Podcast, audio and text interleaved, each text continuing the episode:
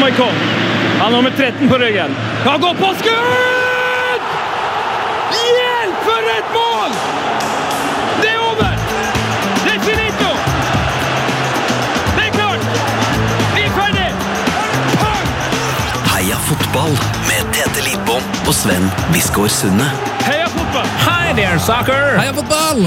Hi there, soccer! Og god, Someday! god hverdag. God hverdag. Det har jo seg sånn at uh, her er du sitter nå, Sunne. Så er det tirsdag.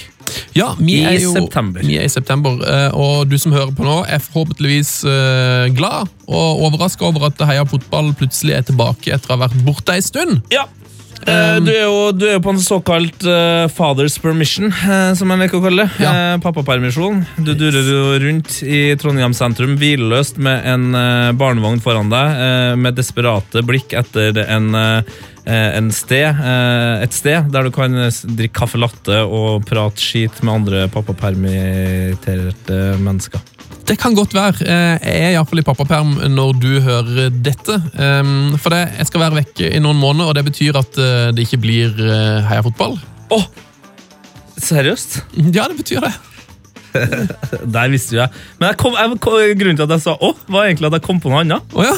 Fordi det var noen som sendte meg tips, og det her er jo skikkelig Det her kommer til å være irriterende for folk. ja. Fordi eh, de sendte meg tips i september.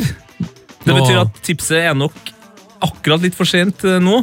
Men det handler om pappaperm og det handler om fotball. Det er nemlig det at Hvis du laga barn nå med din elskede eller en fremmed, eller et eller annet sånt der, så hadde du da eh, naila det perfekt med pappapermisjon eh, under VM eh, i Russland. Å ja. Mm. Ok. Så hvis du skal lage barn nå, så er det sånn Nei, da får du tenke på Bare vent, altså. Ja, men eh, det som er litt fordelen med pappapermsystemet i Norge, er at du får jo um, Flytta litt på det? Nei, men det, VM går jo i sommerferien, som regel. Ja. Så akkurat det, med, akkurat det med perm har ikke så mye å si når det er sommerferie uansett. For et elendig tips han har gitt meg, da. Ja, Hva om jeg nå har laga barn? Ja. Nei, nei, jeg har ikke gjort det. men Jeg, jeg, jeg, skal jo jobbe, jeg, jobbe med, jeg jobber jo med fotball, så det er ikke noe stress. Trengte ikke pappaperm. Nei. Eh, men eh, det var egentlig bare det vi skulle si, at Heia Fotball eh, er litt vekke i høst, men eh, vi er jo veldig glad i dere, og vi er jo veldig glad i å lage podkast. Eh, Så vi har lagd noen podkaster som kommer til å slippes utover høsten her. Eh, Kanskje kommer det bare én, kanskje kommer det to, kanskje kommer det fire. Det kommer i hvert fall tre. Nei, det kommer i hvert fall to. Det kommer i hvert fall to, ja. Ok, Det er det vi vet nå, for eh, vi har eh, møtt Steffen Iversen, Yes. eh, og dere skal få møte han i dag. Og det var en såpass fin prat at vi har delt den opp i to, så det kommer over en time med Steffen Iversen i dag, og så kommer det en time til om et par uker. Det er jo ganske bra. Om et par uker må folk vente i to uker! Ja, kanskje tre. Oh my lord! Kanskje tre. Ja, Da burde det være bra, og det kan jeg si.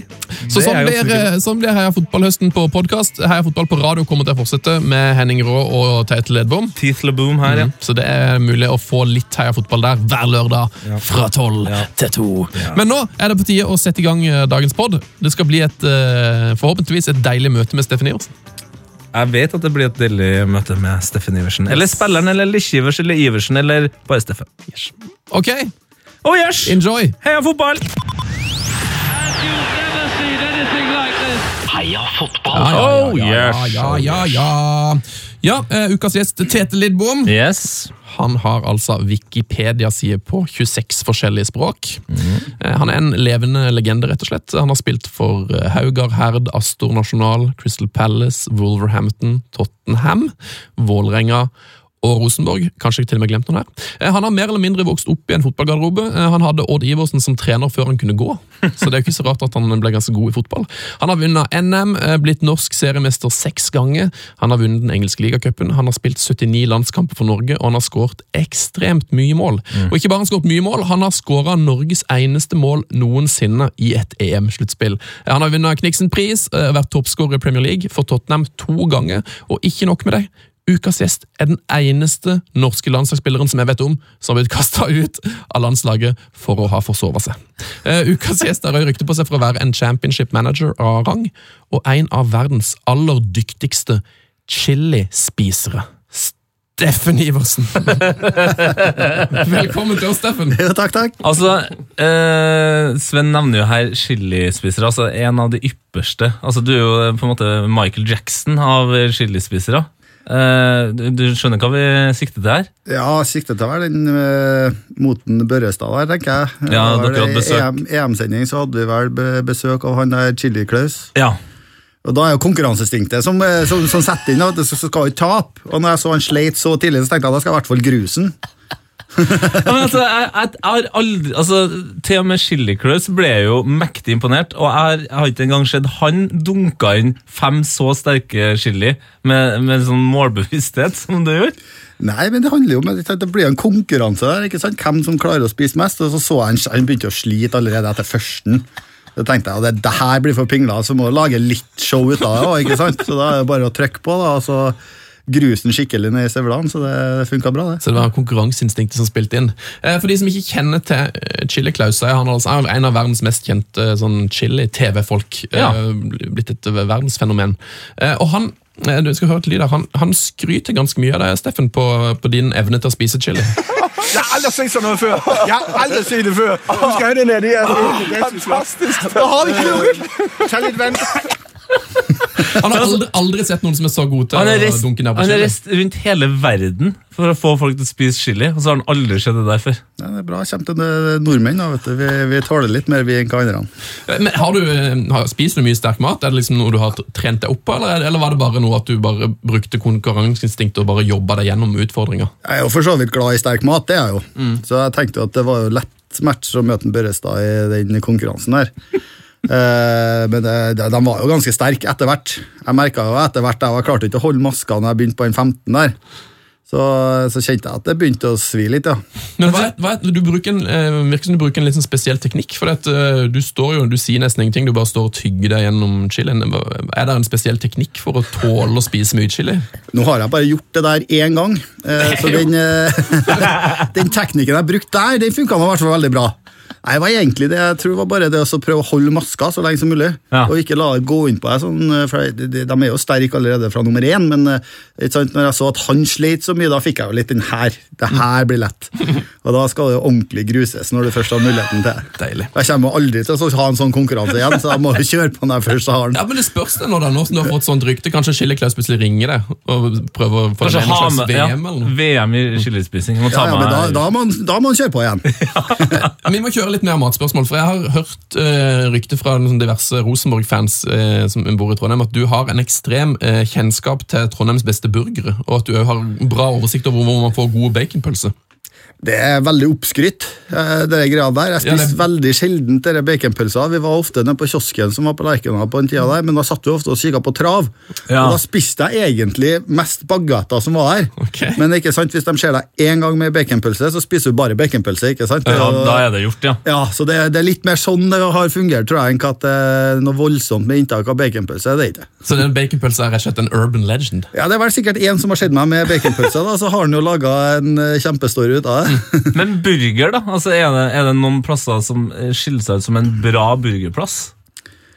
Jeg spiser ikke, jeg jeg er mer glad i pizza sånn. Jeg er ikke så mye på Du er en pizzamann? Ja, jeg er pizzamann. Med er det sånn alt på, eller? eh? Nei, kjøtt. Kjøtt og jalapeños og litt sånn sterke ting Ja, oppå. Det, det liker jeg. Åpenbart han er sterk på. Ja, Vi bomma litt på researchen her. Jeg, har også hørt at eh, folk har sett det spise burger overalt. Ja, men jeg, liksom, jeg, jeg har følt lenge at det der har vært litt sånn urban legend, for hver gang jeg, det dukker opp, så høres det ut som man spiser mer og mer. Og så er det liksom, men da, jo, da burde det ha skjedd ut som en burger etter hvert, i, i form av liksom hvor stort ryktet har vært. Ja, men det er jo, det er jo ofte sånn ikke sant, at det blir jo skjedd med én gang. Mm. Da er jeg hele tida. ikke sant? Så det, det er jo sikkert én eller kanskje to eh, supportere som har gått forbi meg den dagen jeg står og spiser baconpølser eller burgeren. da. Mm.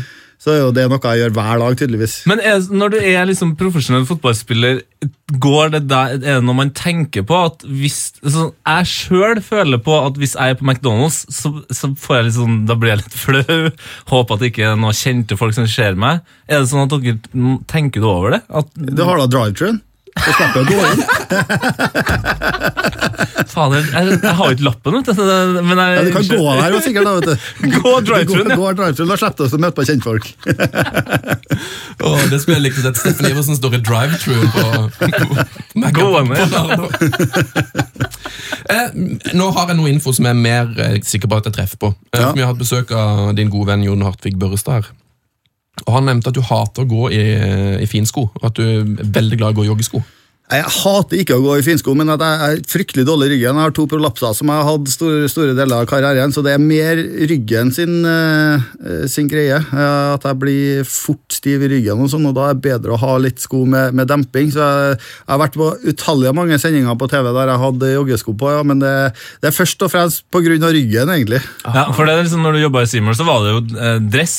Men eh, det folk kanskje nesten ikke så, var at du også da sto med joggesko. Da sto jeg med joggesko i nesten alle sendingene. Jeg begynte helt i starten, så hadde jeg på meg finsko, men det ble jo lange dager der det står veldig mye, og da fikk jeg, ble jeg fryktelig stiv i ryggen, så da ble det joggesko etter det. Har det vært bryllup der Steffen Iversen har stått eh, med joggesko til dressen? Nei, det har det faktisk ikke. Jeg har jo vært på noe, noe bryllup, men der, det, det takler du, for da sitter du. Det sitter mye. sitter mye på bryllup, det står ikke så mye, og så er ikke jeg noe danseløve. Er ikke det? Nei, jeg er ikke det. Jeg tar heller å stå, sitte, sitte i baren enn å være ute på dansegulvet. Så, så da går det fint med, med finsko. Ja, ok. Jeg da- prater, da. de, her med, med det på nett. Liker å sitte, når jeg er sånn bryllup, sånn, prøver jeg å finne meg et sted hvor det er liksom litt lenger vekk fra musikken, så det er mulig å sitte og prate. Ja. Sladre og sånn. Ja, og sånn som her er jo helt perfekt. Fikk jeg for jeg sitte helt og godt og Ja, ja. leanback. og Klarer du to timer, tror du, med, Med å sitte, ja. med? Sitt kan jeg gjøre hele dagen. Ok! Deilig. Um, apropos sitting, har du, eh, stemmer det at du har spilt mye Football Manager? Det tror jeg til og med jeg har lest noen sak om når du kom til Tottenham. sånn.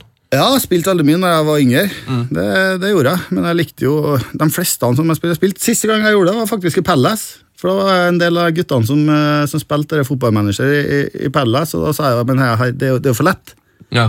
Ja. Og, men det er sant, alle sammen tar jo Arsenal og Tottenham og United og sånn. Jeg liker også å finne et sånt lag nede i tredjedivisjon. Sånn Torquay eller eh, Jeg tror jeg lurer på om jeg hadde Svinden. Ja. for at, da kikker jeg litt sånn på ja, Her har jeg brukbar stadion, så her har jeg noe å bygge på. ikke sant? Ja. Smart. Så jeg, Det første jeg ser på, da spilte det rolle hva klubben heter. Nei. Men jeg tror det var eh, Svinden jeg fant da, og så, så spilte jeg det med dem. Vi for jo mye buss da, vet du, ikke sant, med, med Pelles når vi Ja. for på forskjellige kamper. og Da ble det jo som regel bare når du satt i bussen. Og De ble jo lei av meg, for jeg hadde jo brukt over to timer på å få satt opp laget. Men det er jo, researchen er jo viktig når du skal ha manager. Du kan ikke bare sette et lag og begynne å spille. Da klarer du ikke å vinne noe som helst. Ja, altså, dere lana, og så var du liksom Du var for nøye, så de andre var liksom klar over bare sånn Ja, De hadde jo spilt tre sesonger vet du, før jeg hadde begynt. Men det, da skal jo sies da, med det svindellaget, etter sju sesonger Ja. vant jeg Champions League. Se der, ja! Sju! Det er ganske bra. Sju sesonger brukte jeg på å få Svinden fra tredjedivisjon i England, seriemesterskap og Champions League. Og ikke noe juksing. Du er ikke en sånn som eh, når du, når du taper en eh, semifinale eller en finale, at du skrur av. og så... Nei, det er juksing. Du gidder ikke å jukse mot deg sjøl. Det er kjedelig. Det kan du bare spørre spør Sven. om. Ja, dere gjør det, altså? Det Nei, jeg, jeg, gjør ikke det. Jeg gjør ikke det, men Du må jo tåle tap òg. Dette her Du er ikke en god manager hvis du skal ristarte alle kampene dine. Helt enig. Helt enig. Men Tete har Det stemmer ikke helt at jeg pleier å gjøre det, altså. men jeg har gjort det. Jeg har gjort det, Og da, det observerte Tete. Nei, men det det litt- det er Jeg, ser jo på deg at du har gjort det, for du Ja. ble jo litt sånn rød nå. når det... ja, nei, men det her er Sven sin baconpølse. Han har kanskje bare gjort det én gang, men Men når du, spiller, når du spilte Football Manager, brukte du det sjøl? Ja, så, så langt jeg kunne få tak i meg selv, så brukte jeg selvfølgelig meg selv. Satt meg opp som kaptein, jeg satt meg opp som frisparktakere og straffetakere. Så ble jeg alltid toppskårer, så det var helt fantastisk å ha seg selv på laget. Deilig å ha deg sjøl når du er såpass god da, at det går. Ja, det var faktisk innafor at det gikk an å bruke meg. Ja, er det sånn at Du da satt i Swindon og måtte forhandle kontrakt med Steffen Iversen, og han holdt igjen og syntes det var, fikk for lite penger? sånn? Det var helt umulig å få meg sjøl til svindel. For jeg skulle, jeg hadde altfor høye lønnskrav ifølge det spillet her. Så det, jeg prøvde utallige mange ganger, men til slutt, eh, siste sesongen jeg hadde, da, eller tredje-fjerde sesongen tror jeg jeg var der, Ja. men da kunne ikke jeg få meg sjøl lenger, for da skulle jeg legge opp. Det er helt rått. Ble du sur på ble er det sånn at Når du kommer sånn inn i spill, ble, ble du på en måte sur på Steffen Iversen på, i spillet, eller? Nei, nei, han gjorde jobben sin han, når jeg Ja, hadde han. Skåra masse mål og Ja, men når, når, når du ikke klarte å hente han der, var det sånn at du forbanna han at han var en grådig drittspiller? liksom? Hadde det Nei, du? Jeg var jo med i spillet, da, hva de holder på med. Oh, ja. Veldig, Ja, Hvem som har laga det. Veldig, veldig bra. Du, eh, du har eh, mange navn. Eh, vi må, kan vi ta det først, Skal vi kalle det Steffen? Skal vi kalle det Ivers? Lich Ivers, hvis jeg uttaler det riktig. Og så har Du eller, er du kaller deg vel sjøl for spilleren, har jeg forstått? Spilleren det kom vel gjennom eh, Ja, det var, Nei, det var ikke jeg som begynte med det. Jeg lurer på om det er en kompis som begynte med det spilleren, så har det bare blitt uh, heng, hengende etter. Hva er, spill, hva er spilleren? Er det en karakter, eller? Nei, spilleren er nå meg, da. Fotballspilleren Var, du, var fordi at du var den eneste spilleren i kompisgjengen, eller? Nei, jeg er litt usikker på det, men det er Eller var liksom det, du var, liksom, du var sjølve spilleren, liksom? Ja. Nummer én? Ja, det var litt mer sånn. Og det er et navn du er komfortabel med? Ja, Det er helt komfortabelt. Det er mange som kaller meg ennå. Veldig bra. Kanskje derfor du ble så god i fotball? også? Du har hatt litt sånn trygghet på at du er relativt god til det du driver med? Ja, og så utallige timer med trening, da. Det er jo noe som man ikke tenkte på eh, før jeg faktisk skrev den boka. Mm. Så tenkte jeg ikke på at det var trening det jeg holdt på med fra jeg var liten gutt. ikke sant? Når jeg var fire-fem år og sto på Løkka i fem, seks, sju timer hver eneste dag. Men det, i ettertid så tenker jeg på at du har jo lagt det utallige mange timer med trening. Men var, var du nesten litt sånn sykelig opptatt av fotball, da? At du siden du da ikke har tenkt over engang? At du har brukt så mye Jeg tid holdt på på det? med hele tida. På vinteren også, så kunne det være djupsnø, så fant jeg et eller annet jeg kunne gjøre eh, en konkurranse med, med fotball. og Da for jeg og kasta meg og styra i, i djupsnøen. og Trente på brassespark og alt mulig sånn. Yes. Kommenterte du det sjøl òg, sånn inni hodet? Nei, men jeg var andre spillere og sånn, ja. Ja. Det Ja. var, jeg- var jeg ofte. Hvem, Ja. hvem var det ofte? Jeg, jeg var veldig glad i Kevin Keegan. Oi! Litt annen spilletype enn hva jeg er, men eh, det var, det var Kevin Keegan, og, eh, og så likte jeg jo også å stå i mål. Og da var det Geir Kasa som var Geir Karlstad. ja. Så uten Geir Karlstad og Kevin Keegan så er det ikke sikkert uh, Steffen Eriksen har kommet så langt. Nei, og så har du selvfølgelig Ofte så blir du stående og spille fotball alene, ikke sant? og da lager du konkurranse med Rosenborg mot Vålerenga. Ja, det var, må ha kommet helt naturlig for deg. Ja, det kom ha det-. Det gjorde jeg med alt jeg holdt på med. Fra å spille dart til å spille yatzy mot, eh, med meg sjøl, så var jeg alltid Rosenborg mot Vålerenga. Du, Vi hadde Nils Arne Eggen her, og han sa noe som ikke jeg visste, nemlig at eh, din far Odd Iversen òg var keeper tidlig Ja, i sin karriere. Hva, hva er skjer med at Iversen-folkene er så glad i å stå i mål? Jeg vet ikke, jeg sto jo faktisk eh, når vi spilte sånn på Det het jo smågutt og gutte og sånn når vi var yngre, ikke sånn som det heter nå, men eh, da på innendørsturneringa så sto jeg ofte i mål. For da fikk vi en ekstra utespiller, så vi vant jo alle kampene våre. Så Vi fikk jo en ekstra ute på banen, ikke sant? Som k- kunne spille fotball. Da. Så vi Sånn gjorde jo Libro-type? Ja, sånn Libro-type, bare at du måtte stå i mål da når det, den tida trengtes òg. Har jeg sett det stå i mål på noe landslagstrening òg, eller? Ja, ofte så står jeg mål sånn, eh, på, på litt sånn treninger og sånn, og det syns jeg er morsomt. Nydelig. Eh, vi tar noen lytterspørsmål, og vi har allerede fått svar på et av de første fra en som kaller seg for RC Utheim. Eh, han har spurt oss på Instagram hvor mange organiserte treninger hadde Steffen som barn og ungdom, og hvor mange treningstimer i uka på Løkka i samme periode. Eh, du har jo svart på det, men jeg lurer på hvilken Løkke var det du spilte på? Jeg vokste opp på Halset, eh, Mm. så det var jo veldig mye oppå den nasjonalbanen oppå, oppå der. Det var en grusbane den tida jeg, jeg spilte der. da. Nå har vi fått en kjempeflott eh, kunstgressbane oppå her. så det, nei, det var oppå der, og da hadde du litt sånne små baner på sånne gressflekker og innimellom alle blokkene og sånn som var her også, så det, det liksom, Men da var det jo alltid sånn at da var det folk der. Du trengte ikke å ringe en kompis liksom for å dra på banen. Du bare for på banen, så var det alltid mellom 10 og 30 stykker som var her. Ja, Og så hadde det liksom to-tre forskjellige plasser, så var det litt sånn, det gikk rykte om hvor folk spilte da, så var det bare å møte opp. Ja, Deilig. Men var du den eneste av dem som, som ble profesjonell fotballspiller? Av de 30-40 barna som durra rundt? Ja, Som ble proff, så er det kanskje det, men vi hadde jo spillere som har spilt i, i Tippeligaen. i Børge Hernes. Og, Hernes, ja. ja, han er jo vokst opp sammen med, så vi spilte jo fotball siden vi var, var seks år når vi begynte på nasjonal. ja. Så han har jeg spilt uh, lenge med. Og så har du Kristian Steen òg. Kom jo seg ut og fikk en del tippeligakamper, han. Så det, no- noen har jo klart å ha gjort det ok. Så det er jo egentlig de spillerne der du har spilt lengst med da, i din karriere. Ja, vi, med en Børge så spilte jo hele veien fra jeg var seks år til, ja, til jeg kom inn på A-laget til Rosenborg. Ja, og Da var du sånn elleve år, så det var ikke så lenge. men... Nei, Jeg var litt gamlere enn det, men Vi tar uh, lytterspørsmål fra Halvard Lindstad. Han pleier å sende inn mye bra. Han har sendt inn tre stykk. Um, um, hva, her, hva er neste steg i Steffens trenerkarriere når Tini Hauger tar slutt? Hvem er den kjekkeste spilleren han har spilt med? Også den, eh, det tror vi er den vi skal ta som jeg synes er det gøyeste her. Hvor mye betalte Steffen dommeren før 5-1-seieren til Haugar over Åkra i vår? Der slipper han å betale. Der var vi bare overlegent mye bedre. Men det, det, det står jo i spørsmålet her at det må ha vært noen kontroversielle dommeravgjørelser i den kampen. Nå er ikke jeg sånn som husker på alle kampene der, men jeg, tror kanskje at det kunne være det i den kampen der. Det kan nok være riktig, men det, det er det jo Når du spiller i lavere divisjoner, så får du får ikke de beste dommerne heller. Nei. De er ofte litt gamle og gråstær, mange av dem som, eh, som dømmer ned i divisjonene, så jeg skjønner jo at det blir en del feildømming. Ja, så, men det tenker jeg på. Vi, var, vi har vært på to sånne turer der vi har eh, liksom løfta fram eh, breddefotballen, og sist nå i Nord-Norge. Og det, når man står der eh, en vårdag, eh, men klokka har liksom eh, runda åtte, det er minusgrader, eh, det er snø overalt, og så begynner folk å kjefte på dommeren, så er det litt sånn Da spilte han vel i femtedivisjon, så sånn Han har kommet frivillig hit, altså. Og det var For å, ja, for å dømme dere i en treningskamp. Ja, men det, det er litt sånn fotballig, altså dommeren må jo tåle det. Altså, Ja, det må han jo. Har jo eh, Rundt eh, Haugesund så har du en del unge dommere som har lyst til å bli, bli bedre, og da må de jo lære seg fra start av det. Ja, og da er At det litt kjefting må du tåle.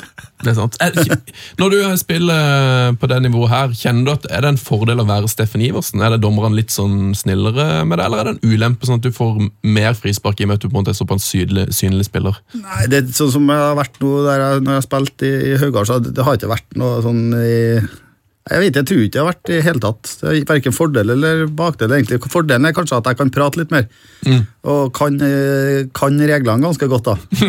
Lærte de det?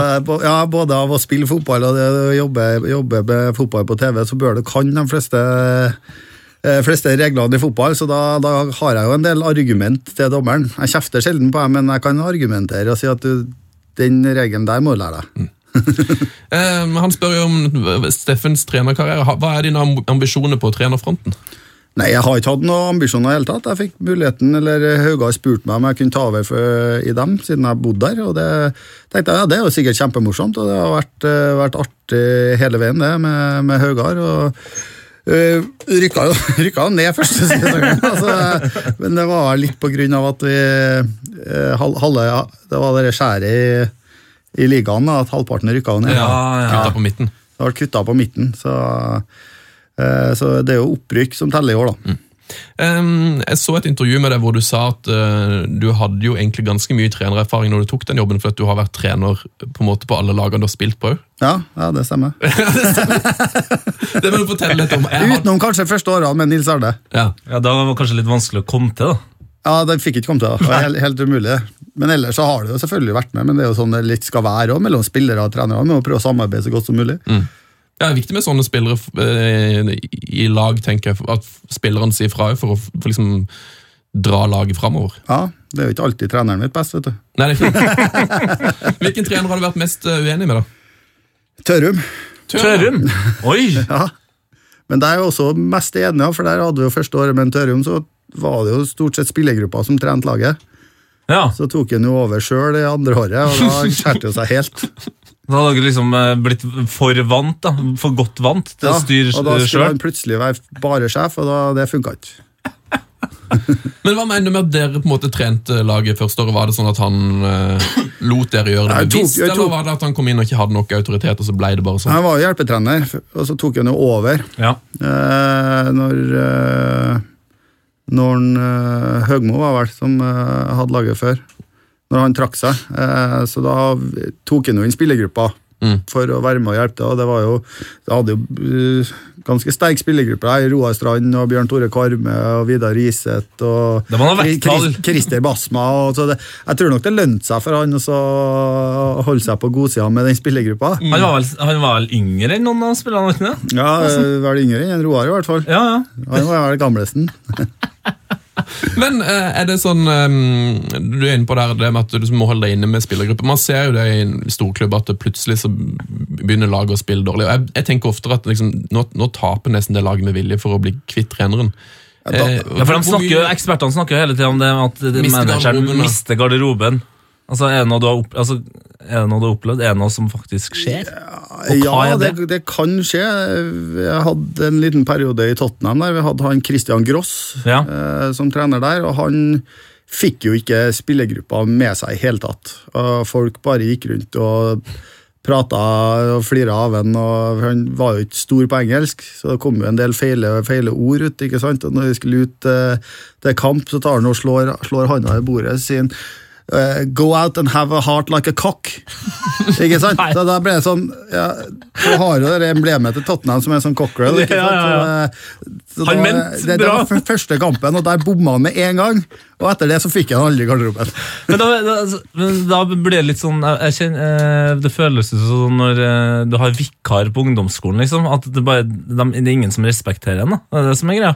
At man bare ikke bryr seg om Så var det, trener, han, ja. det er jo bare han som har vært sånn til meg, men eh, det var ingen som hadde hørt om ham før heller. da. Nei. Og engelskmenn er jo engelskmenn, ikke sant? og de må jo egentlig ha engelske trenere stort sett for at det skal fungere, det der som kjenner, kjenner til mentaliteten til engelske, engelske spillere. For de er litt annerledes enn hva franske og tyske og, og, og Ja. ja. Norge er jo for så vidt ganske lik som eh, mentalitet som England, men eh, så det har var litt med det å gjøre òg, tror jeg. Ja, at eh, du må kjenne spillergruppa. Jeg husker, det der husker faktisk når han kom, det begynner å bli en stund siden, men han, han hadde jo alt imot seg, for avisene skrev jo negativt om han nesten fra dag én, og det var bare sånn der, eh, han ble bare framstilt som en sånn tosk som ikke kunne noen ja, ting. jeg starter jo første intervjuet sitt, eller eh, pressekonferansen sin, med at han skrøt over at han hadde tatt T-banen til Ikke sant? Så det blir sånne dumme ting. Han gjorde mye sånne dumme, små, dumme ting.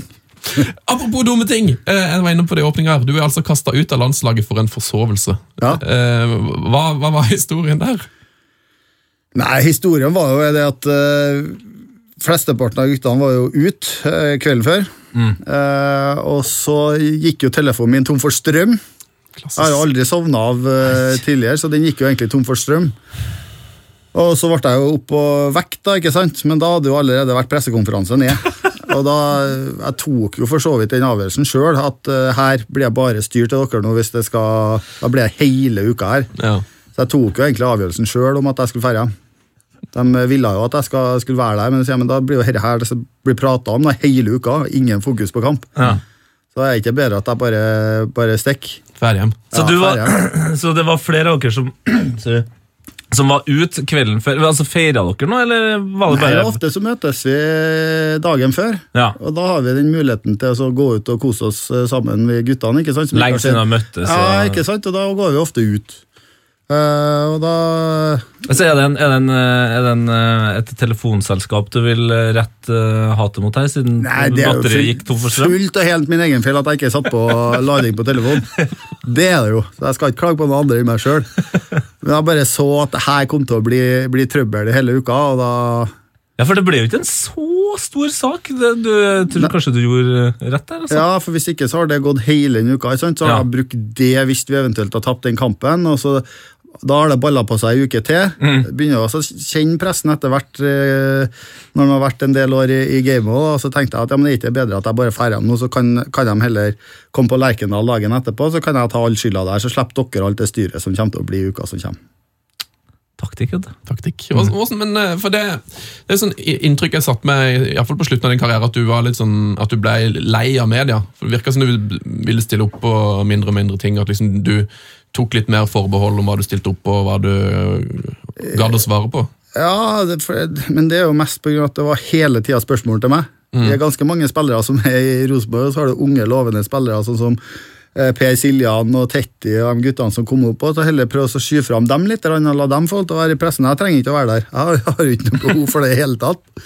Eh, Så det var litt sånn, altså, da sa jeg nei til nesten alt der i to år. Ja. Jeg følte at du, eh, du tok for mye plass, rett og slett. eller? Det, men de kan ikke de heller. Jeg, min karriere er jo på vei til å bli ferdig snart, nå, så kan dere heller ta skryte opp noen av de ungguttene som vi har her som er gode spillere, tenker jeg. Ja, ja. Og så blir man sikkert lei òg etter uh, x antall år med, med det samme. Det var vel sikkert gøy å stille opp på de intervjuene i begynnelsen, når man var liksom Ja, så jo stort ung, sett- ny stjerne. så hadde jo en liten sånn generasjonsskifte i, eh, med at det kom mye yngre som skulle ha sånne headline-saker hver eneste gang han prata med. ja. Og når du står der og prater med han, og så får du det samme spørsmålet sju ganger, bare at han bytter stokker om litt på hvor han setter ordene sine hen. Ja, for han er på jakt etter et svar. Ja, for han har allerede skrevet storyen sin. ja. Ikke sant? Han vil bare at jeg skal si menn på en eller annen plass, så er jo bang, der kommer den overskrifta. Ikke sant? Så det, det lærte jo jeg etter hvert, da, når du har fått det i trynet en del ganger før. Og da var, var jeg ellers sånn at jeg gidder ikke jeg det mer. Så jeg bare gidder ikke å prate med noen. Det er kort, veien kort til nei takk, ja. Ja. Apropos det å få noe i trynet. Du var jo eh, mannen som eh, når konfrontasjonen starta, sto med vingespennet rett ut mellom eh, Karev og Riise. Altså, Ja. Du var der når eh, det skjedde. Du var Ja. midt i krangelen. Ja, det var ikke så mye krangel utpå her, da. Det var vel mer at uh, Det er jo fryktelig unødvendig krangel i det hele tatt. Det, her. det er jo egentlig så dumt at uh, Men det, det er jo Jon Arne Riise han kan jo tegge på seg en gråsten, ikke sant? Det, det, det klarer han. Det har han i seg. Ja, Når han klarer å tegge på seg en Karev, som er verdens snilleste gutt, da, da har du klart å tråkke for langt. Og det, det handla jo om ingenting. Det handla om at han bare gikk og spytta foran deg. Så sier Jon bare at nei, kan du slutte med det her? Og da tenker han nei, ingen som får å si til meg hva jeg får å gjøre eller ikke gjøre. ikke sant? Så fortsetter han med det der, da. Ja. Så er det noen andre ting i bakhånd også, som gjorde at en Kare vippa over den gangen der. Det skal nok si, skal, skal sies òg. Men hvordan, men hvordan eh, Du virker som en, eh, en fyr som tar liksom, Ikke lett på sånne ting, men at du Ok, det her er en bagatell. La oss bare komme videre. Altså, Hva var det du eh, sa når det her skjedde? da? Altså på Nei, Jeg ble jo selvfølgelig sjokkert når det her skjedde. Ikke Ja. sånn på treninga, men det som skjedde i bussen etterpå, når det nesten ble full slåsskamp. Mm. eh, eh, så blir du selvfølgelig sjokkert, det er jo det første du blir. Eh, og så tar vi jo en avgjørelse, eller spillergruppa prater om at ok, hva skal vi gjøre nå? Eh, og så er det sånn, ja, Enten så sender vi dem ingen, eller begge. Mm. Og så plutselig så blir bare en kar sendt igjen, og skjønte jeg jo ingenting. Nei. For da hadde de plutselig tatt en annen avgjørelse bak ryggen på resten av spillergruppa. ikke sant? Og så sender de kun den karen. Og like mye skyld Jon Arne Riise, så jeg syns hele greia var bare et surr.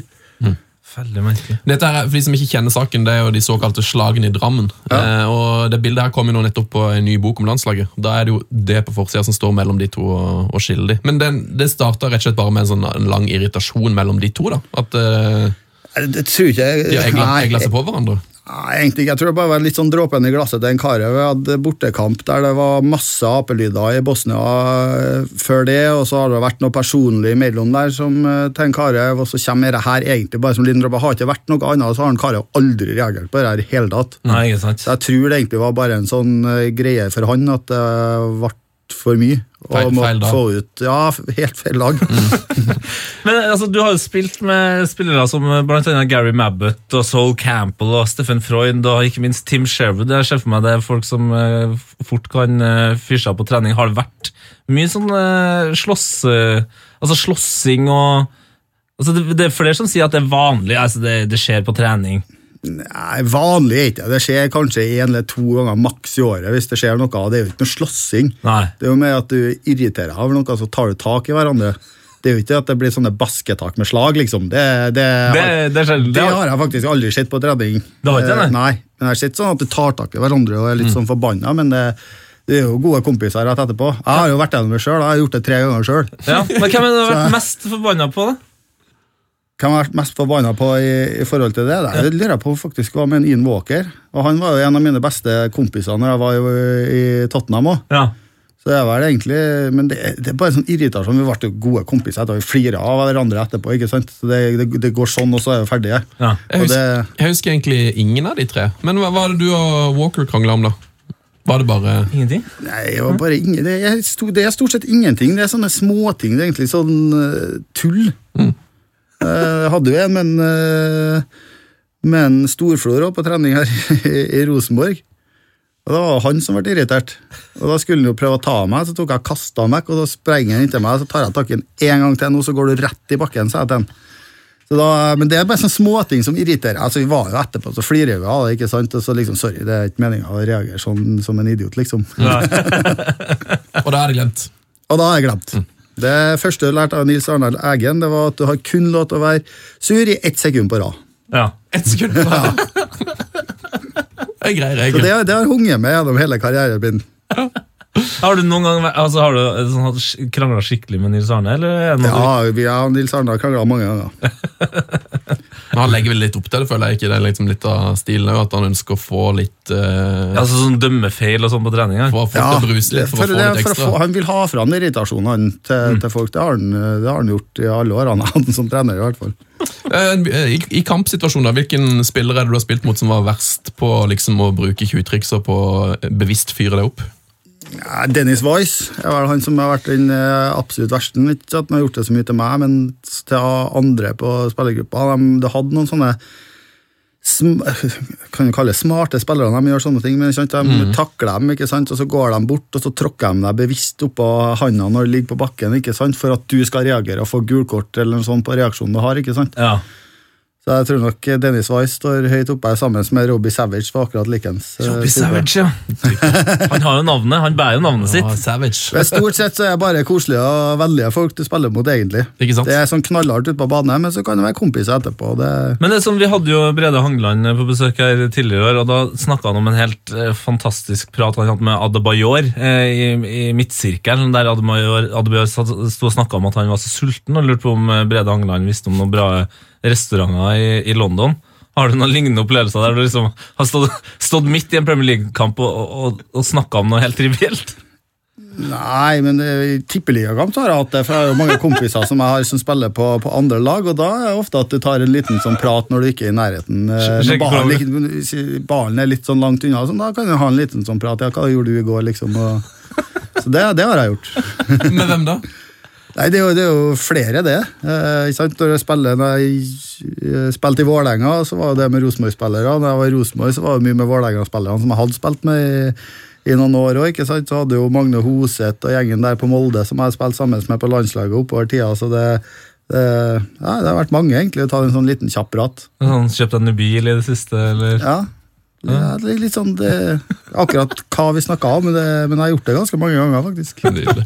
Du, det var inne på det med, sånn med Dennis Wise, at han var en fyr som skapte litt trøbbel. Så lurer jeg på, Er det noe som trenerne dine har hatt et bevisst forhold til? liksom At man singler ut en spiller for å pr- prøve å provosere pod i kort? og sånn? Er, det en- er det en taktikk som noen fører?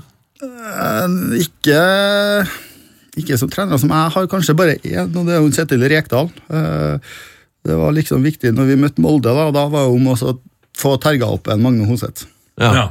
For da spilte han dårligere? Ja, men han var jo kanskje beste spilleren deres, så, det går jo ofte etter de beste spillerne, da, men det, det har kun skjedd én gang, og det var med Vålerenga når vi spilte mot eh, Molde. Da skulle vi terge opp en Magne Hoseth. Lyktes dere? Husker du Nei, jeg gidda ikke gjøre det, han er jo kompisen min. Så jeg ikke. Det kommer ikke til å skje. Det er sant, Vi hadde jo spilletyper der, altså Thomas Holm og litt sånn Ja, som var litt punch der òg, ikke sant? Så Kjetil Wæler og Hagen, og du hadde jo nok, nok, nok spillere til å gjøre den jobben der.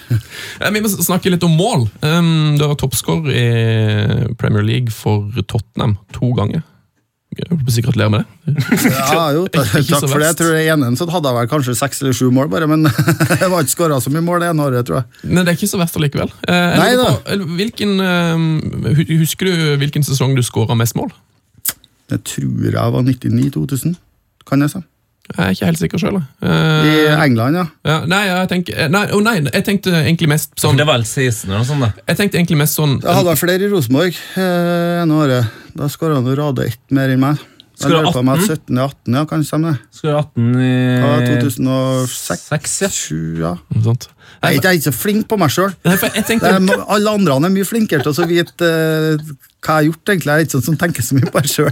For det her, men Alt det her ligger jo ute på internett, så det kan vi jo finne ut av. Men jeg tenkte mest sånn når du var sånn 14-13-12 Der, år. du, Ja, tenker. da ja, nei, da ble det altfor mye mål. Det har ikke tellinga på. Nei. Okay, Da skårer jeg alt fra fem til ti mål i nesten hver kamp. Fra jeg var sånn åtte-ni år og oppover. Men du var, var, du var stor for alderen? Eller har alltid liksom vært høy? var og- liten. Var du liten? Bitte liten. Jeg var eh, yngre. Liten tekniker. Er det Ble sant? ikke det når jeg ble stor. Jeg var liten tekniker, egentlig. Vi hadde eh, Laget vi hadde i Nasjonal, vi gikk jo over med det hele det laget til Astor. Mm. Og der også, vi, alle, vi var jo hodet mindre enn hva alle vi spilte mot, men vi var teknisk gode alle sammen. Ja. Så vi hadde jo et eh, fantastisk lag. Eh, men jeg var sånn liten tekniker når jeg var tynn som ei flis. Knærne bua ut liksom på Jeg hadde ikke noen muskler. Og så begynte du å vokse. Ja, Så hadde jeg et år der jeg vokste ganske mye. Ja, for det, når, men når du spilte på U21, for du hadde, der hadde du ganske bra skåringsstatistikk, og dere kom vel på tredjeplass i noe uh, U21-EM der. Ja. Da skåra du tre Du skåra alle målene. Da skåra jeg alle målene til Norge. ja. Så da, da, da, da hadde du begynt Da å bli spilte jeg jo indreløper. Spilte du indreløper? Ja, vi hadde han Andreas Lund spilte spiss, og jeg spilte indreløper. Selvfølgelig Andreas Lund, ja. Hvor mange kamper har du hatt som spiss på noen landslag, egentlig? For du har jo på, Når du spilte under drill og Semau, så var det stort sett Da spilte jeg jo kant. Da spilte jeg høyrekant. Ja. Da var jeg nye flopasningen. Skulle jo opp dit. ja.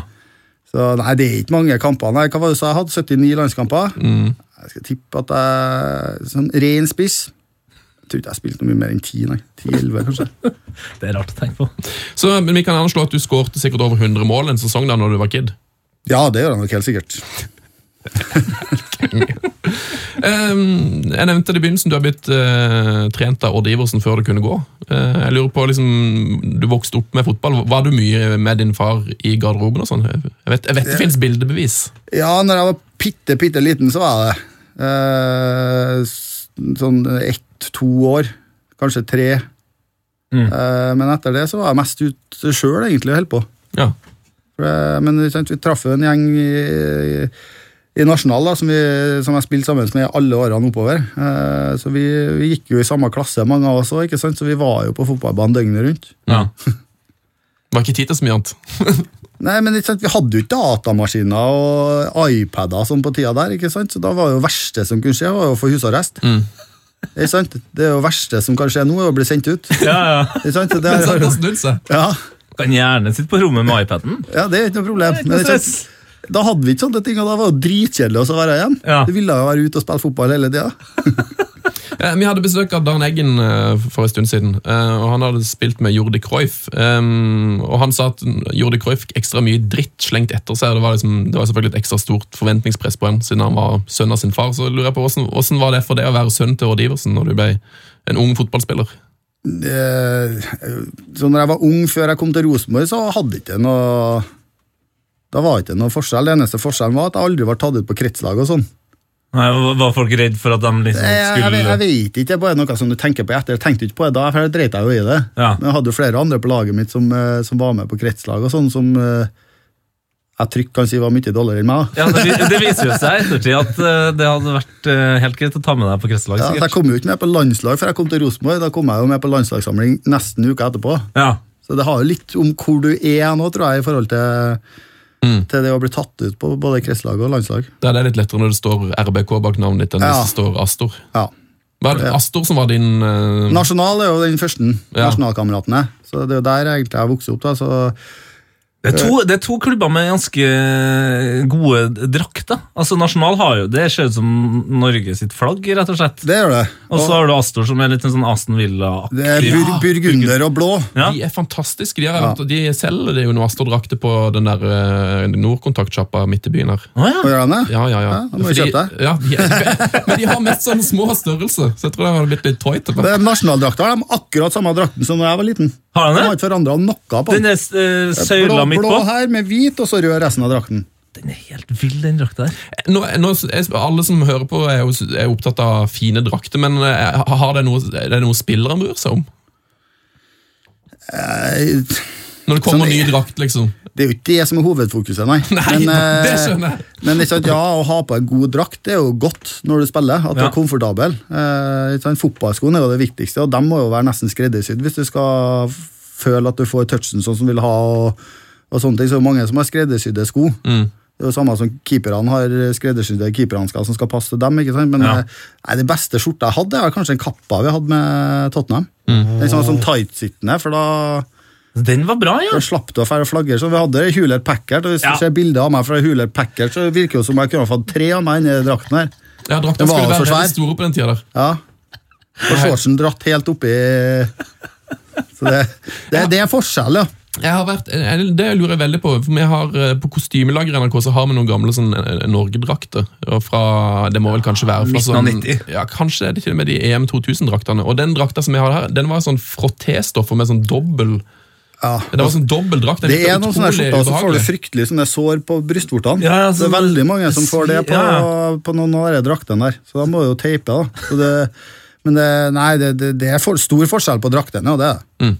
Jeg må snakke litt mer om, om Odd Iversen. Eh, du sa det, du kjente ikke så mye på det presset, men liksom, skjønte du tidlig hvor, hvor stor stjerne han var i Norge? Han er jo sånn, det er jo mange som har han som nummer én i norsk fotballhistorie, sammen med Kniksen Ja. og Tom Lund, kanskje. Nei, men det, jeg, jeg ble jo sammenligna med ham da jeg var liten, men jeg visste jo knapt hvem det var. ikke sant? Eh, Nei. de ble jo skilt tidlig, så han flytta jo vekk i 82, jeg var seks år, så det liksom, jeg vokste jo egentlig ikke opp med han i hele tatt. Nei. Eh, så jeg, jeg visste jo hvem det var av at jeg har vært påminnet hele tida. Mm. Men jeg har jo aldri sett ham spille fotball. som jeg kan huske sjøl.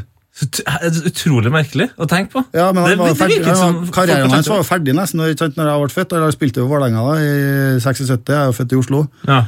Sant? Men etter det så, så spilte du ikke så lenge etter det, og da du, er for, du er for ung til å huske på, vet du, så det eneste du er jo de klippene som alle andre har sett, ikke sant? med der han hiver seg rundt på hjørnet av 16-meteren, og så tar brassespark i motsatt kryss. Men det har jo alle sett. Det er akkurat som folk ikke tenker over det. mye- Dere har sikkert sett mer enn meg. Det er helt utrolig. Jeg har sett, jeg har sett uh, altfor lite Odd Iversen, vil nok mange si. Men um, det er jo sånn jeg, Nå har jeg bodd i Trondheim i ti år, og det er jo sånn all, alle i Trondheim har jo et forhold til, Iversen. Ja, ja, men det, han var jo toppskårer i eh, alle årene han, han var her, ikke sant? Mm. Og skåra over 30 mål og hadde han da, 12 kamper. Ja, ja, det var ikke mange kamper, nei. Kanskje han hadde litt mer, 16 kanskje han hadde, eller det var ikke mange kamper i hvert fall, men eh, kontra hva det har nå. Men har du, men har du har liksom, eh, lekespilt med når, når du og han ble liksom eldre? Har dere eh, liksom spilt ball sjøl, da? På en sånn Nei, jeg tror ikke han har fått til det, for han fikk jo så mye skader vet du, på den tida der. Når du fikk kneskader da, så er det ikke så bra som det er nå lenger. Nei. Så han var ikke noe mye fotball han spilte han han, eh, etter, etter at eh, han la opp og begynte å jobbe i Rosenborg igjen. og så jeg så ikke han eh, så ofte, nei. Det kan hende han tok seg ett skudd en gang iblant, men det var lite. Bare et skudd bare for å bare kjenne på den gode følelsen. Ja. Men Lærte han deg noe om å skåre mål? Nei, det har jeg nok lært sjøl. Men det tror jeg på. det, så Du tenker ikke på det når du er ung, ikke sant? men det er jo all den terpinga du holdt med da jeg var liten. For det er jo først når jeg skrev boka at jeg tenker meg om sjøl. Hva gjorde jeg da jeg var liten? Jo, fant jeg alltid konkurranser med meg sjøl. Om å treffe der og treffe der, og plutselig så satt ballen seg fast oppi et hjørne. Så var det det som var om å gjøre hver gang. Liksom. Få den ballen til å sitte fast der, gang Ja, etter gang. etter gang. der, ja. Ja, jeg hadde sånn, jeg hadde sånn svær eh, vegg på skolen, husker jeg. Som var bindet med sånne ståltråder rundt sånne stolper. Og Da hadde jo, spilte jo på den veggen, ikke sant? Og Få den tilbake, demping på veggen, den tilbake, demping, og så plutselig så bomma jeg litt, så satte den seg fast oppi der. Så ble det jo det nye konkurransen. Nå skal han sitte, sitte fast hver gang oppi, oppi sprinklene der. Så det var fryktelig mye terping uten at du tenkte noe på det sjøl. Ja. Men er det fordi du, du spiller en del golf, ikke sant?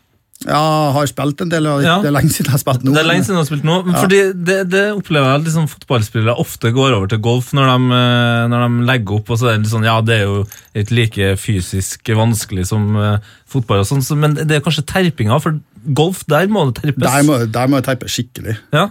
Men er det, sånn, altså er, det, er det ting du er interessert i, så blir du fortsatt eh, altoppslukt, eller var det bare når du var kid? Nei, jeg, blir veldig, jeg liker jo mesteparten av det som har med ball å gjøre, enda. Eh, så jeg syns jo golf er kjempeartig, men jeg jeg spilte veldig mye når jeg var i England, da, for der har du, kan du jo spille året rundt. Ja. Det kan du i Norge. Nei, ikke sant? Eh, så, så da spilte jeg vel sikkert golf et par ganger i uka, tenker jeg, når jeg var i, var i England. Så da, da blir det jo bedre, for der må du, der må du terpe. Mm. Apropos ballspill, jeg hørte et rykte om at du vurderte nesten å legge opp eller ta en pause fra fotballen for å spille eh, biljard en periode. Ja, stemmer det. Det gjorde jeg faktisk. Jeg lurer på om jeg Er det sant? Gjorde det? Ja, når jeg var en sånn 13-14 år, da begynte jeg med biljard og syntes det var fryktelig morsomt. Så da spilte ikke jeg fotball på et halvår. Så du da skulle jeg- pool shark Så da, da skulle jeg begynne å spille biljard. Men det, det detter jo tilbake til fotball. Men jeg tror det er en god ting å ha litt sånne ting òg. At Ja. det ikke bare blir fotball. Og vi, med Astolaget vårt så spilte vi håndballserie på, på vinteren, ikke sant. Det, men alt har med ball å gjøre, da. Det kan være et, kanskje det var et kjempetriks, det der at du tok et halvt år fri. Sånn at du ga, det er jo Mange som snakker at man, man kan trene for mye og ødelegge kroppen. og sånt. Du, der fikk du en liten pause, og så kom du tilbake med ekstra motivasjon. Ja, kanskje. Hjalp hjalp kanskje ikke så mye med kroppen, for du har jo slettet ganske mye med, med, med skader. Ja, det har jeg gjort, men det er jo mye pga. spillestil. Ja. Eh, At, eh, at jeg var fryktelig uredd. Eh, Hadde jeg en 10 sjanse til å vinne ballen, så prøvde jeg.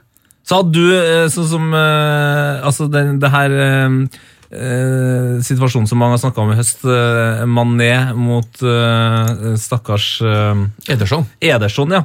Altså den stemplinga i trynet. Har du sett den? Ja, Ja, altså Det var rødt kort, eller var det? Nei, Det er jo soleklart rødt kort. Men, men hadde Iversen kunne ha gjort det samme? Jeg har nok kommet til å prøve å ta ballen, men det kan hende at jeg ikke har hoppa med føttene. For da får du ofte, går du inn heller med hodet. Ja. det er mye mindre sjanse for at du får kort. Ja, For det er jo det er ofte ikke gjerne inn med hodet uansett. Ja, hvordan jeg, har, jeg, jeg, jeg håper ikke jeg blir skalla når jeg blir stor, for da er et helt verdenskart bak i hodet her, tror jeg. Eh, vi har, um, vi har snoka litt. eh, og vi har vi pleier å til oss noen informanter. Ja. Som vi har snakka med noen som kjenner deg godt. Eh, og Det kommer inn noen ganske gode historier fra din oppvekst. Uh, sies at du bodde omtrent på legevakta en stund. Ja, Og her er det ramla inn med hodet først overalt, står det her, så det er jo egentlig Ja, jeg var mye på sykehuset når jeg var ung, men det var jo for at jeg var Jeg klarte ikke å sitte i ro. Så jeg holdt jo på med alt. ikke sant? Det var jo ikke bare fotball. Jeg skulle jo klatre opp i trær, og sånn, og så detter du ned. ikke sant? Så får du et kutt her og kutt der. ikke sant? Fikk jeg skotthyllplate i hodet. Skotthyllplate i hodet! Ja, så det, jeg holder på med ganske mye, da. Så jeg klarte ikke å sitte stille. Jeg må holde på med noe hele tida, da får du noen småskader her og der. For folk som ikke vet hva skotthyll eh, er, google det. Eh, Det er Det er som å få en diskos i hodet. Det er jo først og fremst livsfarlig. ja. Ja, For skott, En sånn skotthyll er jo en to kilo tung To og en halv, sikkert. ja. puck med Jernpuck. jern. ja. Da var jeg sikkert 10-11 år da jeg fikk den i hodet. Men det gikk greit, eller? Ja, det er januar ennå. Eh, og så mener, Den her synes jeg er ganske drøy, men jeg håper jo at den her er sann. At dere har lagd brannbomber en periode. At det kom en ganske gøy... Ja, ja, den, ja, ja, det er sant. Eh, Jeg brannbombe og brannbommer. Jeg var jo sant, bensinstasjoner som var stengt på høy, høytidsdagene før i tida. ikke sant? Ja. Eh, Så jeg lurer på om jeg var en sånn 1. mai eller noe sånt. Og da var jo bensinstasjonen stengt, så vi holdt jo egentlig på, det var jo fortsatt snø, ikke sant? så vi hadde jo bygd jo snøhuler og bla, bla, bla. Så en som sa ja, nå skal vi pumpe ut litt bensin, ja, men det er jo stengt. Ikke sant? Men så gikk hun bort, da, så hoppa jeg på slangen, så kom det ut noen dråper oppi et sånt glass. Og vi trodde jo at dette var ei bombe, ikke sant? så vi tok jo fyrstikk og heiv opp, eller sånn laga sånn lunte til at det gikk oppi. da, ikke sant? Men det sto jo bare og. Så det var møkka kjedelig. Så Jeg tok en pinne, og så tok, den, så tok jeg kasta den, og da får jo flammene over hele. ikke? Det ble jo dritkul. Så dere måtte jo gjøre mer. Og så Vi tok et nytt glass og fikk hoppa ut eh, ja, sånn fire-fem centimeter med bensin oppi, oppi det glasset. Og da tenkte jeg jo, hvis jeg sparker det her nå det, Da blir det sikkert dritkult. Men det er sant, idet du sparker nedpå der, så detter jo glasset først over sånn, ikke sant? Mot, eh, mot Ja, foten, ja. På undersida så detter jo mot deg før det fer bortover. Så jeg, fikk jo, jeg sto jo i full brann. Herregud. Men jeg var jo kjapt. Jeg tok jo vrengte av meg buksa med en gang. ikke sant? Så jeg fikk jo slukka ganske kjapt. Og så tenkte jeg hva faen, hva har jeg lært nå? Jo, hjem. Hjem og sette deg i badekaret i iskaldt vann. Iskald, så, Så jeg gikk og satte meg i badekaret. Jeg satt sikkert der i to timer til morsan kom hjem, og hun lurte på hva i all verden hun holdt på med. Nei, tenkte nå bare å ta meg et bad, sier jeg. Og Tenk å ta meg et bad! Og det var greit nok helt jeg skulle tørke meg, ikke sant? og når jeg kom til leggen, så tok jeg av all huden. Å, fy Fra, fader. fra hele leggen og ned til ankelen. Og da måtte jeg si til morsan hva jeg hadde gjort. Så da var jeg rett på sykehuset. da, var jeg ute fra fotball i fire måneder og måtte dra på sykehuset hver dag. To ganger om dagen måtte jeg skifte på denne bandasjen her, for at det verka så sinnssykt mye. Så jeg er veldig heldig, da. jeg har ikke fått narr. Du har ikke det? Nei, så jeg hadde jo andre- og tredjegrads forbinding på hele leggen. Herregud. Så det anbefaler jeg ikke folk å gjøre. For det kunne ha gått mye verre, hadde det vært for at jeg var så kjapp der, og så fikk vrengt av meg buksa. Men det er jo, jeg, jeg liker jo at det liksom Du tok jo ansvar da i, i en situasjon der eh, liksom kompisgjengen blir skuffa og ikke like underholdt som dere trodde dere skulle bli. Så det er jo du som går fram ja, og siden jeg sparker ned, så skal det bli Ja, men det var også kult kult. Jeg tok den pinnen først ikke sant? og vippa det første glasset opp, og det for flamma ut. og hele, Det var jo kjempekult. Jeg tenkte jeg, Hvis du sparker nå, så blir det sikkert enda kulere. Det ble jo for så vidt det, for jeg sto jo i fyr. Å, det var verdt inngangspengene. Burning Man. Men fordi, Jeg regner med at dette er barnelærdom, men for de som hører på, som eh, ikke eh, liksom har fått sånn streng instru instruks hjemmefra, det å lage egne brannbomber og sparke på dem, Det er en veldig Det- dårlig idé. det er ikke noe god Ikke idé. lag brannbombe i det hele tatt. Nei. Start der, kanskje. Skal vi snakke litt om uh, mirakel i Milano, eller? Ja, det kan vi gjøre. Så bra. Du var jo med å slå AC Milan i eh, Ja, det er vel noen som mener at det er den viktigste kampen i norsk fotballhistorie. Noen mener vel kanskje at det, den er i hvert fall på Nummer to. tre. Ja.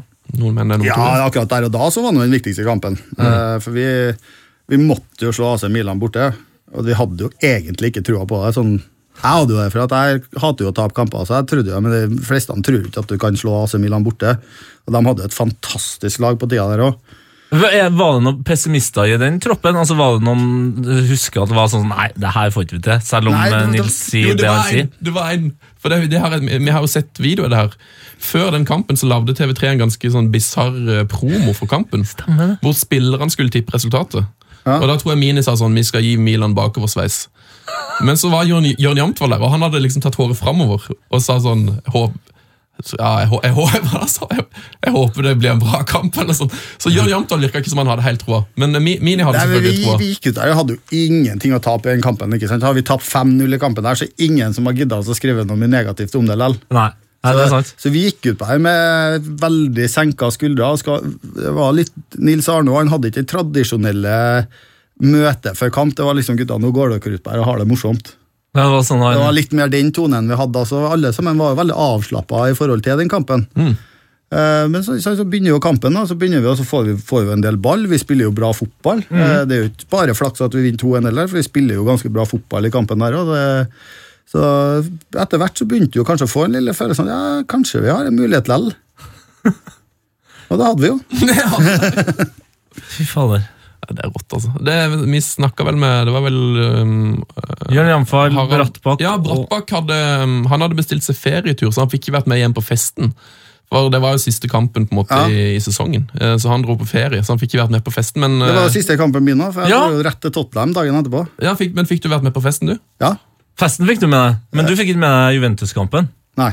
Men Men var, var det nesten litt sånn Eller var det for stort å dra til Premier League, eller var det litt Nei, å ikke bli med? Med en gang etter kampen så ble jeg så lei meg for å skrive under for Tottenham.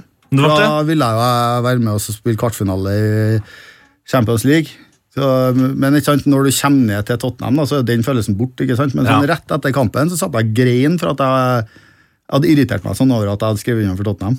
Fy fader. Men det, etterpå så det går jo over, ikke sant? og så hadde vi jo festen etterpå. Så dro jeg klokka sju om morgenen til, til London, så gikk jo veldig sånn fort. Og så spilte jeg jo første kampen for, for Tottenham òg, ikke sant? på lørdagen etterpå. Så det, det gikk jo veldig fort. Så den Grei uke for unge Steffen her. Altså, Slå Milan og så rett eh, og spille Premier League uka etter. Ja, I Coventry av alle plassene så var ikke den, Det var det, det var ikke den kuleste plassen å fære til, men det var jo atmosfæren og sånn var jo helt fantastisk. Det var perfe egentlig ganske sånn perfekt eh, kamp å debutere da. Ja, det var jo det, men det, er jo en grunn til at jeg skrev inn for Tottenham òg, for de hadde jo en Chris Arnsdorf skada her, så de hadde jo ingen andre spisser, så jeg visste jo at jeg kom til å spille fra, fra start av, så da var det bare opp til meg sjøl å vise meg, vise meg fram, egentlig. Ja. Deilig. Eh, hvordan, går en, hvordan blir en sånn overgang en realitet? For det, Du signerte for Tottenham en god stund før den Milan-kampen? eller? Det var litt sånn at... Ja, det var vel et par uker før, ja. Ja, Og så var, gjorde han avtale om at du skulle spille Milan-kampen. Ja, for de var jo ikke noe med i Champions League likevel, så det spilte ikke noen rolle for dem. Eh, så, så da ble jeg igjen og spilte den, eh, den kampen, for det var vel det Rosenborg sa òg, at han må være med og spille den kampen, siste kampen før, og det var jo for så vidt greit. Men hvordan skjer det? Hva, får du, eh, er det? Har du en agent som kontakter deg? Hvor tidlig vet du at de er interessert? Hvor mye har en spiller å si i en sånn overgang? Det var jo ikke sinnssykt mye agenter på tida her, vet du, for det var ganske nytt ennå i norsk fotball. Og så få utenlandsproffer i tida her, så var det jo ikke så voldsomt mange sånn som det er nå. Nå er det jo mer agenter enn fotballspillere i Norge. Ja. uh, og det er jo helt håpløst. Uh, men jeg hadde jo, jeg hadde jo en Erik Soler, Ja, uh, som var min agent da, og han, han gjorde en kjempejobb. Han var veldig rolig og veldig ok fyr å, å jobbe med, så det er det eneste jeg hadde som agent. Men når du flytta eh, ned til, eh, ned til London der, sånn første tida var det, Følte du at du var mye ensom alene, eller? Nei, var- Familien ble med nedover. eh, Du fikk med familien? Ja, så de Ja. kom jo ganske kjapt eh, etterpå. Og så eh, vel- så, så ble jeg jo godt kjent med en, Darren Anderton. Han bodde jo rett siden av der jeg bodde. Ja. Uh, og han hadde svært sånn palass av et hus med snuker og boblebad og alt mulig, basseng og alt sånt som er der. Jeg bodde- ungdomshus? Det. Ja, nesten, for han hadde jo alle kompisene sine på besøk hele tida, så jeg bodde jo nesten der i en måned.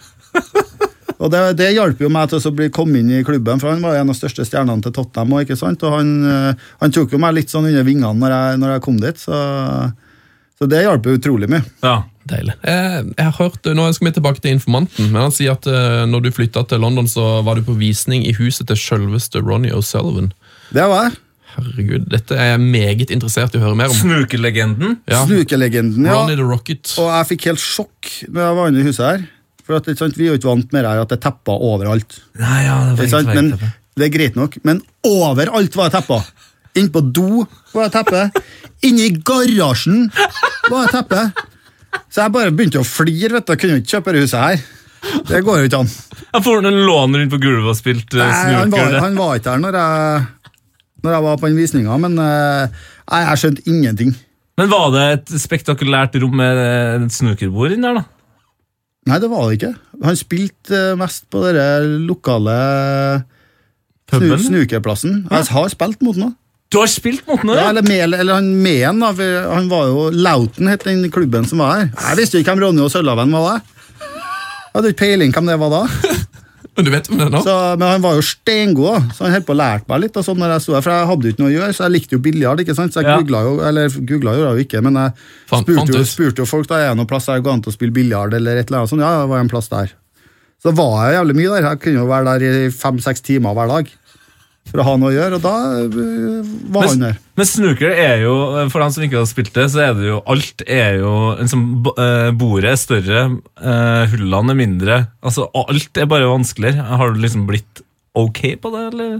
Jeg ble jo ok etter at jeg var, var der så mange timer som jeg var da, de første årene i Tottenham. Ja. Så jeg ble ok, jeg ble ikke kjempegod, men eh, jeg tror jeg hadde 67 som høyeste. Det er jo helt ok. Det er bra. Ja. Herregud, Ronny O'Sullivan. Han, altså, for han er jo den største noensinne i snooker. Altså, han er jo Ja. verdens største. samtidig som han er litt sånn McEnroe-aktig type. Ja, det har vært mye eh, surr med han. ja. Men hvordan var, var han? For han virker som en sånn larger than life-fyr. Ja, Han var ikke det da, vet du, for da var han jo ny sjøl. Ja, han, han var ung, ung, ikke sant? så han hadde vel ikke helt slått gjennom ennå, for da hadde jo han Davies som fortsatt uh, herja. Ja. Som hadde vunnet sju år på rad eller noe sånt. Så det var vel ikke før noen år etterpå han uh, slo gjennom, han. Hva med- Var det noen andre ekstremt eh, kjente mennesker du ramla over i, i din tid i Eller dine tider i London? Uh, ja, faktisk ganske mange. Ja? Uh, vi ble jo ofte invitert på sånne premierer på filmer og, og sånne ting. ikke sant? Og da, uh, Hvis du husker han Eddie, han getaway-driveren i, i Snatch, Ja? Ja, han, han svære mørke, ja. han kjente jeg jo litt. Og du kjente han var? Tottenham-supporter, så han kjente jeg litt. Så skulle han plutselig være med i filmen der. Og da ble jeg invitert. Og da skulle jeg jo være med ut etterpå sammen med dem. Da, da skulle jeg jo, var jeg jo med han, for jeg kjente jo han. Ja. Og da satte vi oss ned på bord, da. Og jeg tenkte ikke mer på det. Og så Der kom Brad Pitt, der kom Madonna, der kom Guy Ritchie. Så ble det plutselig sittende sammen med bare sånne superstjerner. Jeg bare sånn, Hva er det som skjer? Så, Så da satt du på bord med Brad Pitt, Guy Ritchie, Madonna, og da ja, han og da eh, var jo jeg super Friends-interessert, ikke sant? så jeg satt jo egentlig bare og prata om uh, Jennifer Aniston. Jennifer for Han lå sammen med hun, han, vet du. Og Han ble sikkert dritlei av meg. Det er bra, bare Du sitter her med Brad Pitt og bare sånn eh, Drit nå i det han har gjort noe. Jennifer, hvor er hun nå? Hva gjør hun nå, da? Ja, Hvordan er hun Hvordan er hun? Er Brad Pitt fotballinteressert, da? Nei, det tror ikke jeg var så veldig. Men Det var ingen av dem som eh, visste hvem du var, da? Nei, det er ikke sånn utgangspunkt. Guy Ritchie visste jo jeg, han er jo engelsk, så han visste jo jeg. Ja. Han var jo sammen med Madonna på TR, så Ja. han visste jo hvem jeg var. Madonna har faktisk eh, en kid nå. Som, eh, som har blitt plukka på et eller annet storlag. Husker ikke akkurat hvilket. sant? Ja.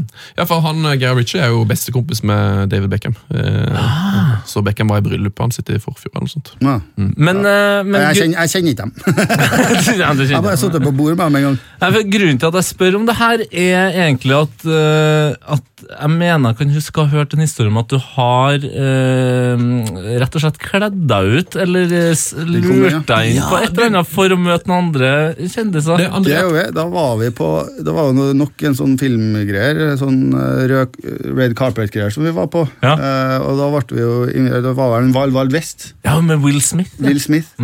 Og da var vi jo med på afterparty etterpå. Eh, men sant, det var ingen som kjente noen der, så han hadde jo sånn eget eh, lukka med bånd og vakter og alt sånt som det der. ikke sant? Og så Først så går jo Ginola opp og Sheringham og eh, dem opp, og så får komme igjen. Nei.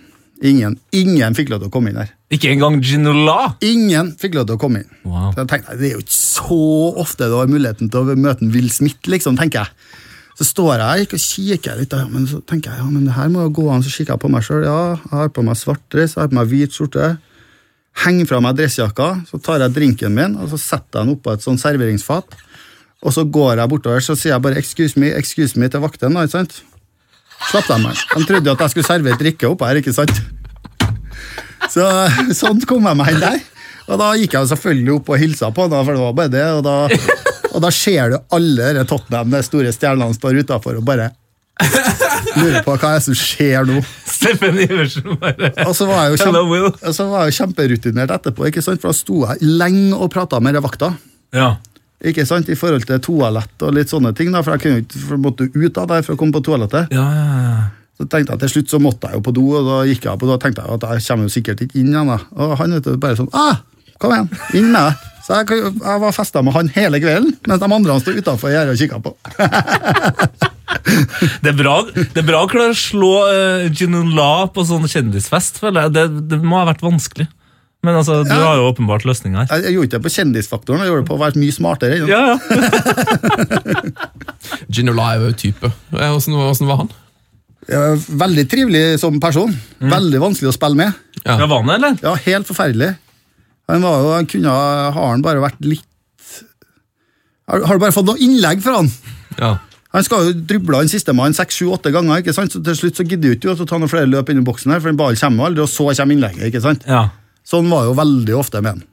Ja, for han, han kunne egentlig bare stått på midtbanen og slått innlegget hans, hadde det gått fint. Han Ja, men hadde han foten jo til det. første dagen han har gått forbi i stedet for å gå tilbake igjen og så hente han en som han har gått forbi, da, Ja. for å så druble den en gang til. Så han kunne ha slått innlegget da. Men han skulle jo tilbake og så hente spillere for å så druble flere.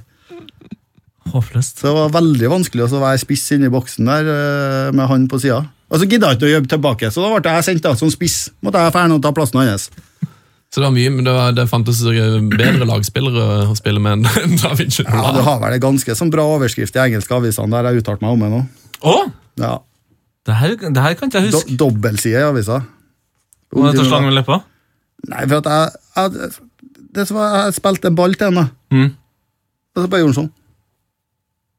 Jeg Slo Skulle ut med armene? på foten. Jeg, du spiller jo ballen foran, så du kan ta han med deg. ikke sant?